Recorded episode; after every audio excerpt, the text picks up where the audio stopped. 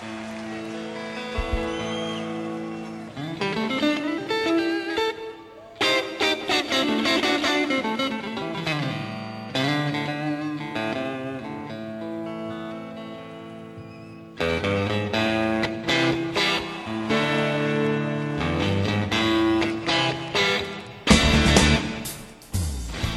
Saludos amigos, os habla Ramiro Espiño en nombre de todo el equipo. Comenzamos una nueva edición de La Trastienda en Pontevedra Viva Radio desde nuestros estudios en la calle Michelena de Pontevedra.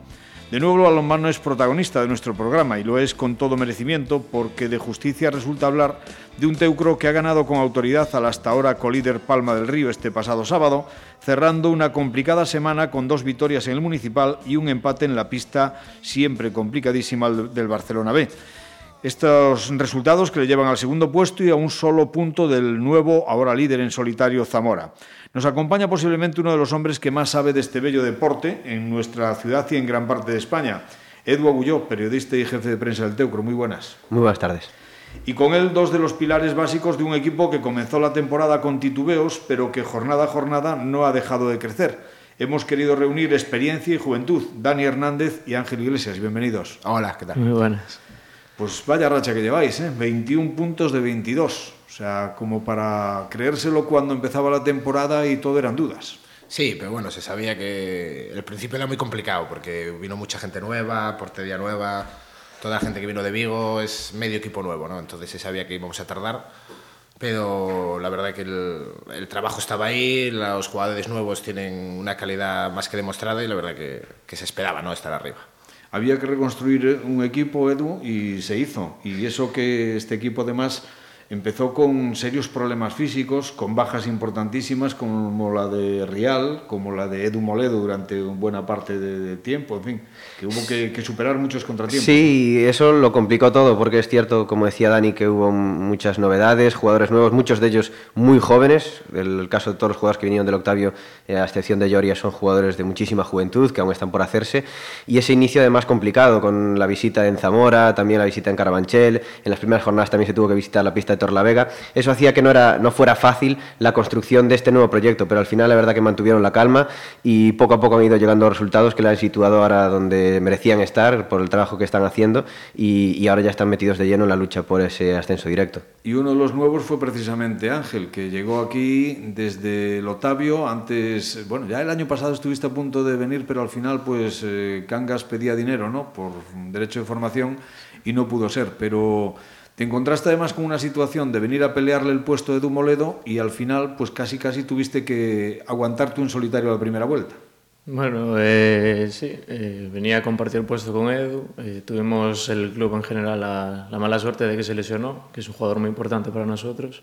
Y bueno, eso, eh, con cosas del deporte, me, me tocó a mí asumir esos minutos y bueno, estuve, la verdad que estuve bastante a gusto porque en el juego que tenemos nosotros los extremos tienen un, cierta rele relevancia ¿no? en, a la hora de jugar y la verdad que muy, muy cómodo. Bueno, vamos por partes. Lo más cercano, que es lo que ha pasado el sábado contra Palma del Río, 33-27. ¿Esperabais ganar? Me imagino que sí, pero por esa diferencia. No, la verdad que no. La primera parte se dieron unas circunstancias para irnos eh, rápidamente. Estábamos a 4, a 5, acabamos en la primera parte a 6 coincidió que metimos un gol en el último segundo, que Santana pagó un par de penaltis.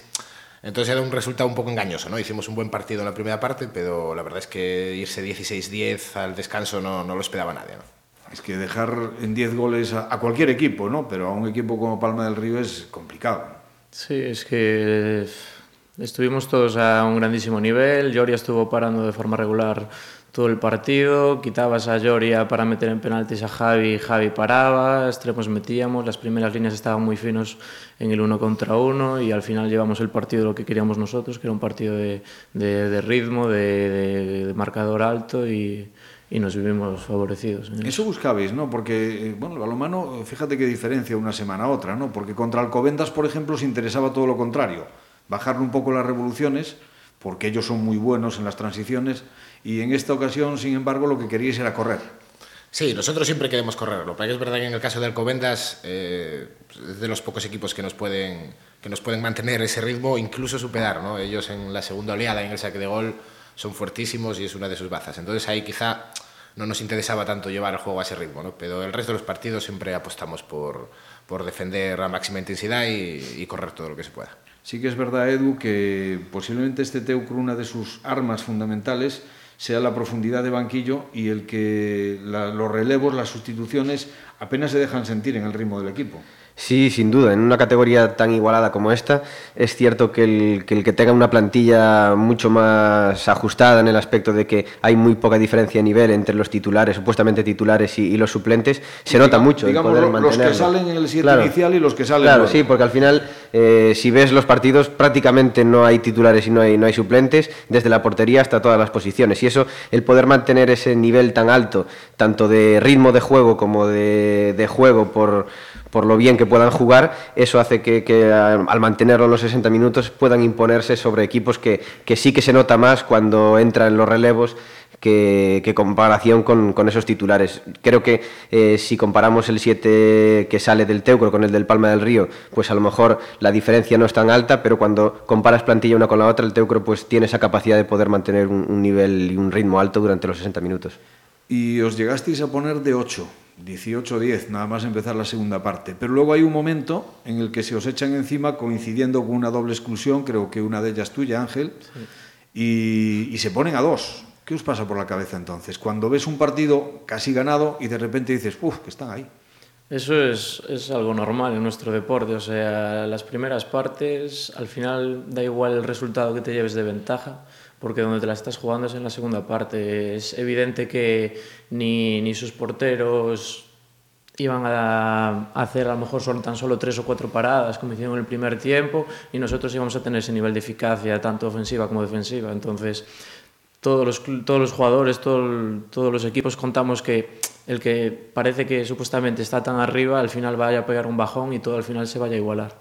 Es verdad que cuando suceden esas cosas, Dani, el equipo mayoritariamente te busca a ti para que desatasques. Sí, no sé. Empiezan si a temblar los brazos y dice, ahí aparece, dásela a Dani y a ver qué hace. No, no sé si el equipo busca a mí o busco yo la pelota más.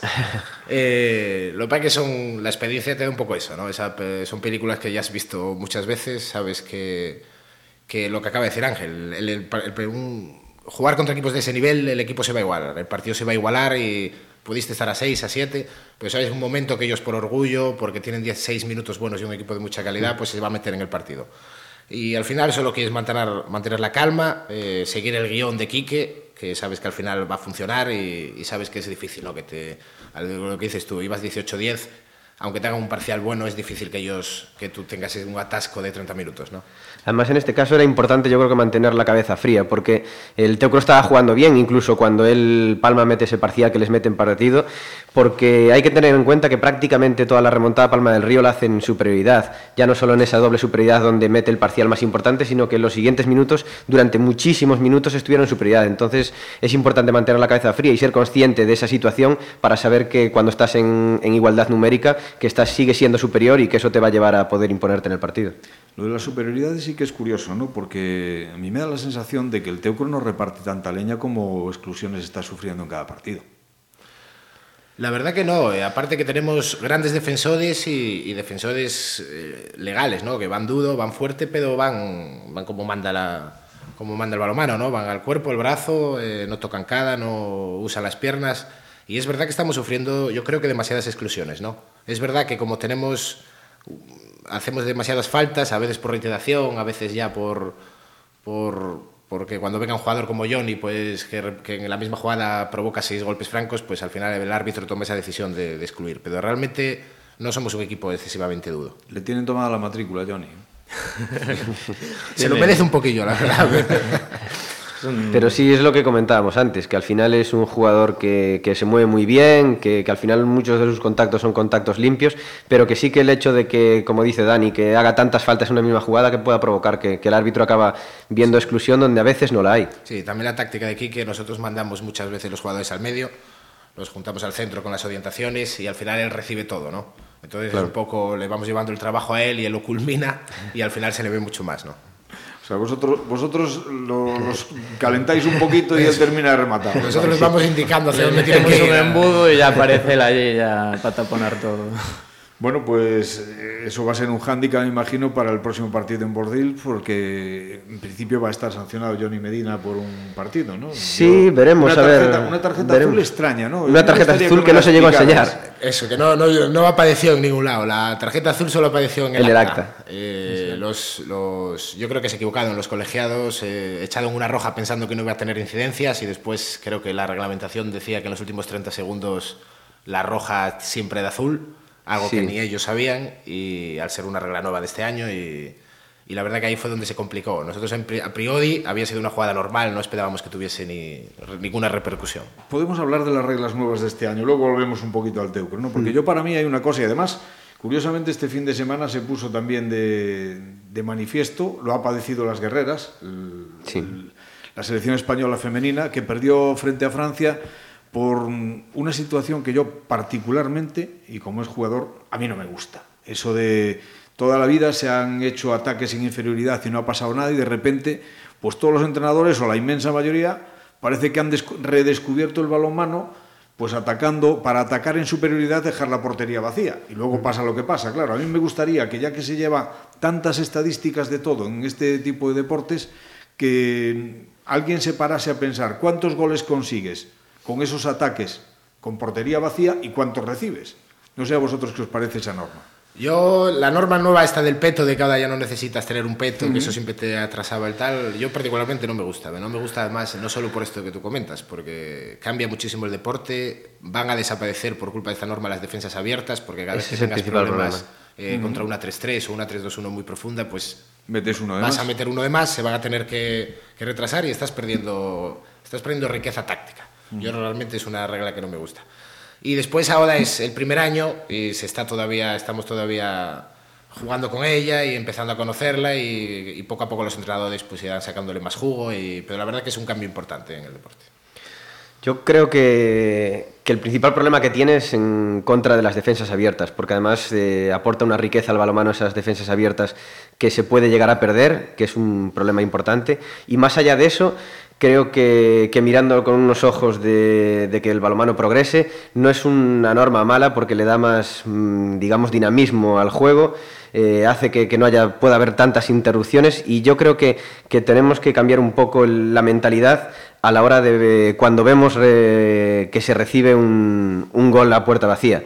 Creo que ya en muchos equipos ya la filosofía, en el Teucro además yo lo noto, que, lo tiene muy interiorizado, que no tiene que minar la moral del equipo, eh, porque al final cuando tú pierdes un balón en inferioridad numérica, eh, el gol, la, porque la probabilidad es muy alta de que recibas gol, sea el contraataque haya portero o no haya portero. Aunque porque al final, sí, aunque tuvieses eh, portero, el en la- contraataque va a ser uno contra- un contraataque uno contra el portero, en un 90% las meten. De hecho, estamos viendo como en muchas ocasiones el que sale perjudicado es el atacante por precipitarse en el lanzamiento, cuando el porcentaje de lanzamiento de, pues, del, si la roba al exterior de esquina a esquina probablemente sea inferior a un contraataque solo contra el portero.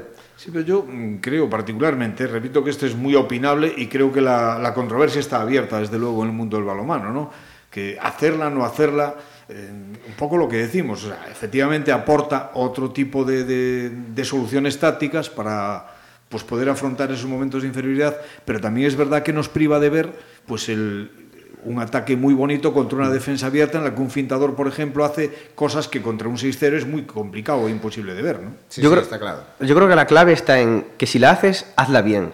Si no la vas a hacer bien, no la hagas, porque estamos viendo equipos que la hacen por hacer. Es decir, están metiendo uno y, ves, percibes claramente que no está trabajada esa situación. En el caso del Teucro se nota claramente que está muy trabajada porque están aguantando la primera línea hasta el final y, y no están teniendo muchos problemas para, para hacer el cambio. Eh, y hay equipos que, eh, se va el, séptimo muy pronto o, se va en una situación o incluso muy tarde. Eh, creo que, la clave está en saber atacarla bien y hacer el cambio en el momento adecuado. Que hacerla por hacer, al final ahí sí que es donde es un descalabro y empiezas a encajar goles por todos lados y empiezas a, a perder balones. La clave está en hacerlo bien, tanto cuando apuestas por igualar como cuando apuestas por atacar con siete, que ya estamos viendo equipos a nivel europeo que lo están haciendo. Y está claro, pero está claro que está cambiando mucho, porque ahora eh, contra el Fútbol Club Barcelona, contra el, un equipo que es prácticamente imbatible ahora, eh, ya se está empezando a ver partidos de, en ataque 7 contra 6 en todo, todo el partido. O sea, todo el partido sin portero y jugar con uno más para tener alguna opción, opciones mucho más claras de llegar a puerta. La verdad es que es un cambio, en mi opinión, demasiado drástico, pero mm. yo soy de los veteranos y, y, entonces a mí me más gusta. Clásico. Yo soy más clásico.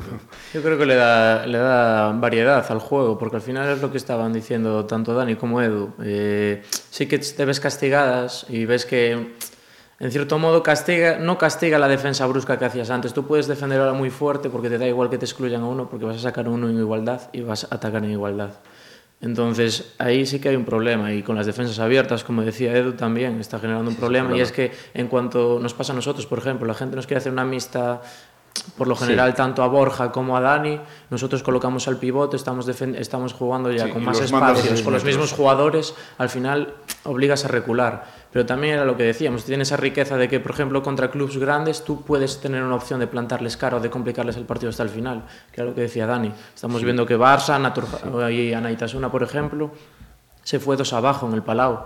O sea, eso seguramente hacía dos o tres años o incluso más que algún sí, el, club el, no se iba tan ajustado en el, partido. Benidorm hizo un partido perfecto, súper trabajado. Se va penúltimo, no, penúltimo, último, de hecho. No, el Barça ha sufrido tres o cuatro partidos esta liga sí, sí. de uno de dos y eso pasa no claro, pasado desde hace tiempo. Hay que hacerlo bien. Claro, al final es un recurso de un partido que parece que está muerto, que, que ya es imposible, ¿sabes? Como a lo mejor el baloncesto tiene esos lanzamientos de triple que te ayuda a acercarte, a lo mejor tú con ese séptimo jugador te permite que una renta que la tienes súper distante ¿sabes? Te dé a lo mejor un plus más en ataque. Lo que pasa es que esa innovación, desde mi punto de vista, choca un poco con la otra segunda innovación, que es la del juego pasivo.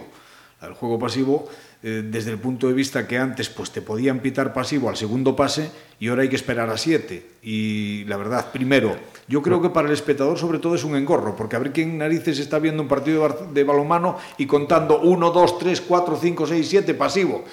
Sí, yo creo que debían, debían buscar la manera de señalizarlo, el, próximo, el propio árbitro con la mano o algún gesto. Pero, sin embargo, sí que yo ahí sí veo bien el, el, el pasivo era un, era un, nadie entendía muy bien ni los propios jugadores entendíamos depende de, de la pareja de colegiados. Era subjetivo no era subjetivo.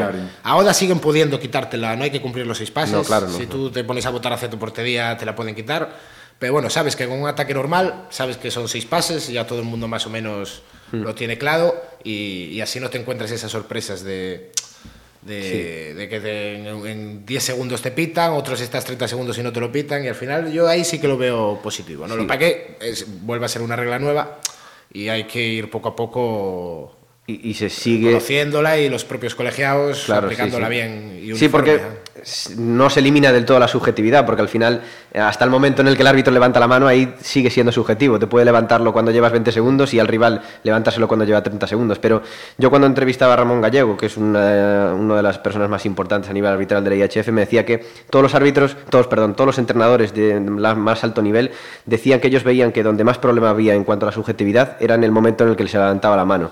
Y en ese aspecto, pues sí que hemos avanzado mucho porque eh, son seis pases, si haces un ataque normal, si empiezas a perder tiempo, evidentemente te lo van a pitar, pero, pero creo que en eso hemos ganado bastante el, acabar con esa subjetividad.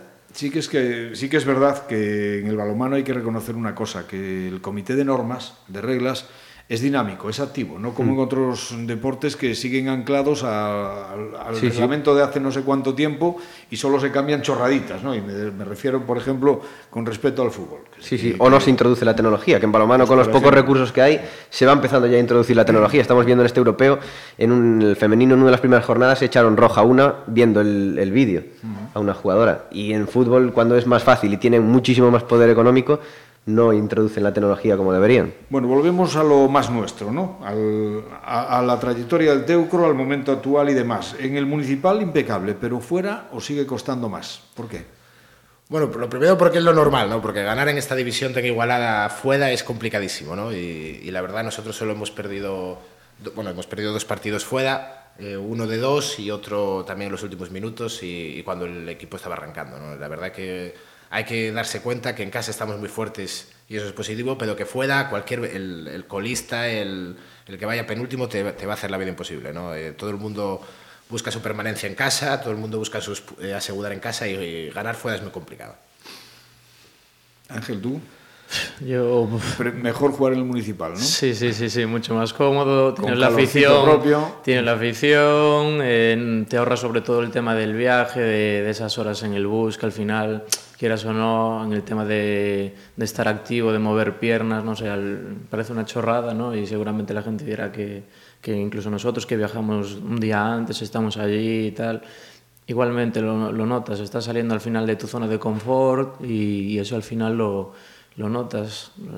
Es algo que, que, es evidente y se ve, en, se ve en la liga que vas afuera y aunque sea un pequeño desplazamiento como fue este último partido, el derby Alcobendas-Carabanchel, aunque supuestamente hay un supuesto favorito, se iguala todo muchísimo en casa. No, incluso me imagino que a veces hay referencias hasta visuales, ¿no? Para posición, para lanzamiento, para tener más o menos controlada la situación, que es mucho más confortable hacerlo en tu pista, donde ya te la conoces de memoria, donde entrenas todos los días, que en un sitio absolutamente nuevo. Mm, sí, está claro. Yo nunca entendí muy bien las razones por las cuales en casa siempre tienes mejores números que fuera. Para mí es un misterio. Eh, yo siempre digo, a mí me da igual la gente, me da igual la grada me adapto a lo que tú dices. Es verdad que muchas veces donde esté la red, donde esté el fondo con la portería cambia, y, pero bueno, te adaptas bastante rápido. Pero es un misterio. Es verdad que en casa tú acabas ganando el 90 y pico por ciento de los partidos cuando estás arriba y sin embargo fuera te cuestan todos. Eres el mismo equipo, ellos también, pero también es que pasa. También es cierto que en esta categoría hay equipos que cambian sus jugadores de jugar en casa o fuera. Pero recuerdo eh, más o menos el, cuando vino aquí Córdoba que no viajaron Dublín y no sé otro más. Y también cuando vino Tolosa, el central del Tolosa, que es uno de los mejores jugadores, tampoco viaja cuando juegan fuera. Entonces, el, amateurismo que hay en esta categoría hace que también que los propios equipos cambien de cuando juegan fuera a cuando juegan en casa. Los, recién ascendidos sobre todo, y hay, en la parte baja hay todavía la plata con la crisis pues que hemos pasado, pues todavía hay jugadores que, que combinan trabajo, estudios y, no hay que no antes no se veía, pero es verdad que ahora en el, lo que hablas tú, en el Córdoba, en el, se han dado dos o tres casos que, que, les falta jugadores fuera. ¿no? Bueno, la liga en cuanto al ascenso directo y al equipo que organice la promoción como locatario, empieza a ser cosa de tres, ¿no? Sí, yo, ya se veía venir, ¿no? Eh, que había cuatro equipos superiores, uno que no cuenta, que es el Barça B, y, y el Zamoda y el Palma que, y, el, y nosotros, pues la verdad es que somos a priori los que vamos a estar arriba. Ya parece que va a ser así, ¿no? Nos hemos descolgado los tres y, la desgracia que están tanto el Zamora como el Palma están también teniendo un nivel altísimo. Sí, porque Alcobendas en principio, a mí yo lo tenía entre los favoritos, pero se ha descolgado mucho, ¿no? Ha perdido mucha distancia. Sí, y yo también lo tenía. Sabía que iba a ser un equipo de promoción, de promoción al ascenso, pero no sé si a lo mejor al nivel de estos tres que estamos hablando, ¿no? Pero eh, va a ser una liga muy complicada porque es que no está perdonando a nadie y, es que te obligan a estar partido tras partido a, a máximo nivel y fallar poquísimo, ¿no? Empezar arriba. Edu, para ti, ¿quién es el favorito?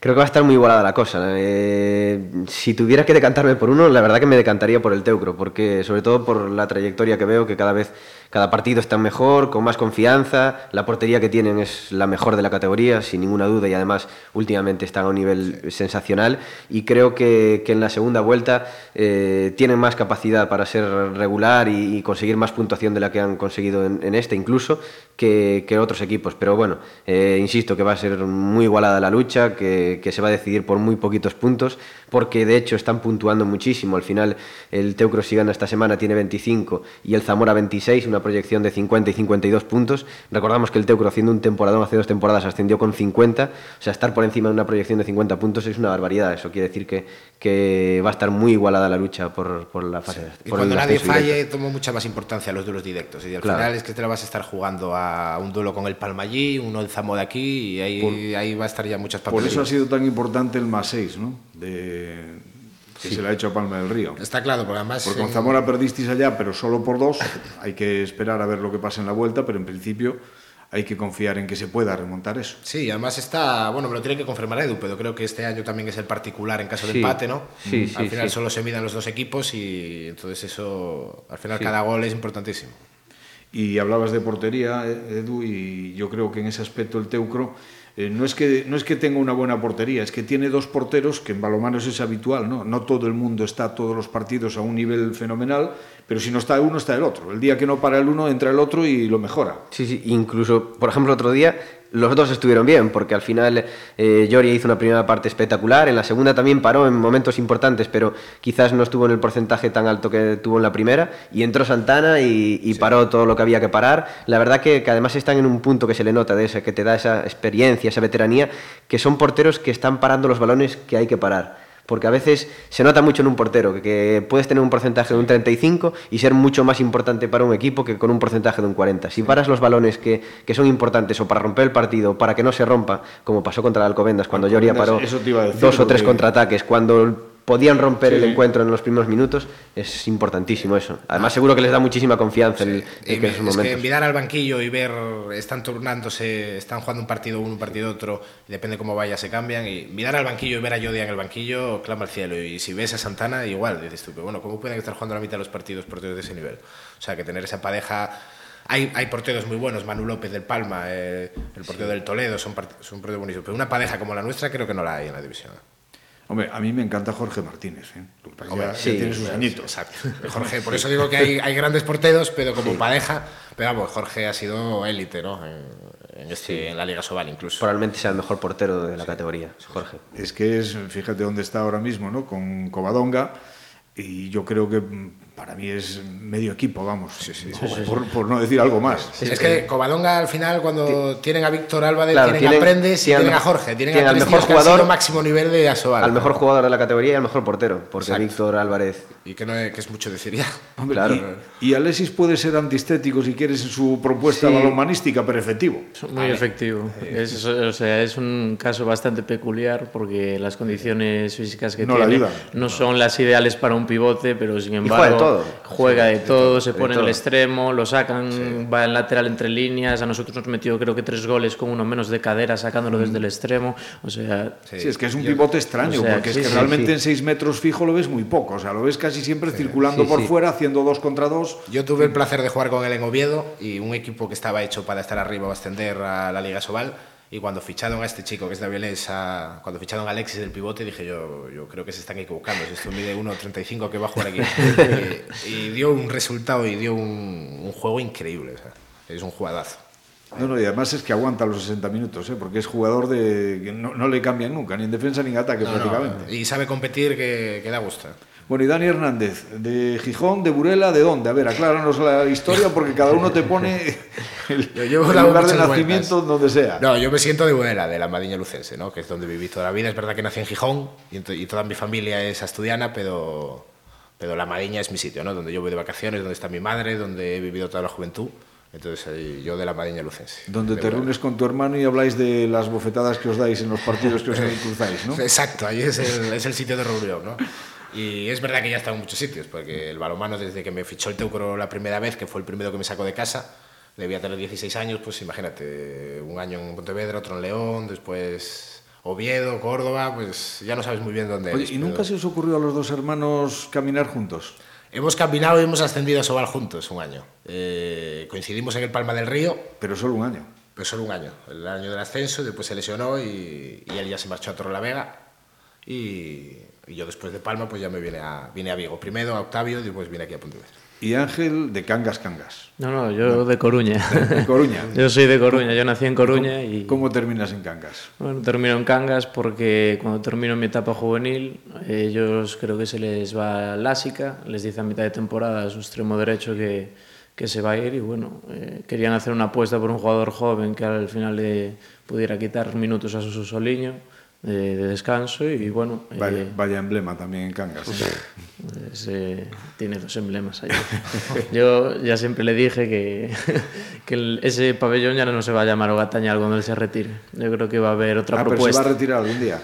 No lo sé, no, parece que no. no. lo sé. Yo creo que va a hacer como Talan y, y cuando se retire ahora? va a hacer Está por, por, por los 40 jugador. por ahí. Sí, yo creo que sí. debe tener ahora 40, sí, el año pasado creo 40-41 creo que tiene. Yo agradezco sí. mucho a esos jugadores. que no me vea yo tan mayor. No, además lo que dicen los ingleses, no, un hombre de club. Sí. Jugando en club. Y, y, rindiendo todos los años. Y sí, como sí, persona un 10, la verdad que como persona un 10, como jugador es, fue y es buenísimo. Y a día de hoy yo como persona pude compartir con él dos años y la verdad que, o sea, si me dicen algo malo de él, no puedo decir nada más. Lo que pasa es que en Cangas hay demasiados aspirantes a ponerle el nombre al pabellón, porque anda que Manolo Camiña no ha sido nada en ese club, ¿no? Lo, lo ha sacado desde el antiguo Lucero Soje, que vosotros no ni recordáis siquiera, jugando allí en la pista exterior al lado del muelle. Siempre volcado con el Cangas, la verdad que, que sí, que tiene que hacerle un monumento, porque si el Cangas es lo que es hoy en día, es, es gracias en gran parte a, Camiña, un hombre que es, lo puedes ver estar poniendo refrescos en la cantina, cantar el bingo en el descanso y, estar saludando al otro presidente antes del partido. Es un, hombre para todo que, que hizo del Cangas lo que es hoy, un equipo que ya ha jugado en Europa, eh, que ha estado en lo más alto en las primeras posiciones de, de, la Liga Sobal. En los dos últimos años fueron quintos en una población, es un pueblo al final, Cangas, es, es increíble lo, lo, que ha hecho eh, el club y principalmente se lo deben a, a. Y hombre, ahí están incluso contra el gusto de Asobal, que si por Asobal fuera, sí. los mandaba para abajo, pero rápidamente. ¿no? Una de las grandes peleas Tiene de Camiña cariño, y, creo. Y, y, debe ser una de las grandes derrotas, seguro, de Camiña, porque nunca ha conseguido eh, llevarse a la suya con, con, Asobal, porque yo creo que, que Camiña, sabiendo que cómo se está gestionando en los últimos años, seguro que uno de sus objetivos hubiera sido eh, o acabar con Asobal o que hubiera sido distinta, y, y, yo creo que esa es, a lo mejor es una de las pequeñas bueno, derrotas. Pero yo creo que, que bastante tiene. más mérito es que Asobal no ha podido con él. Sí, también, también eso es cierto. Yo creo que a lo mejor es una partida que no tiene ni no tiene derrotado. Bueno chicos, vamos a hablar un poquito ya para ir terminando. La próxima, visita al Hamburg Bordils, una, un equipo de la zona baja, pero que en su pista puede complicar a cualquiera, ¿no?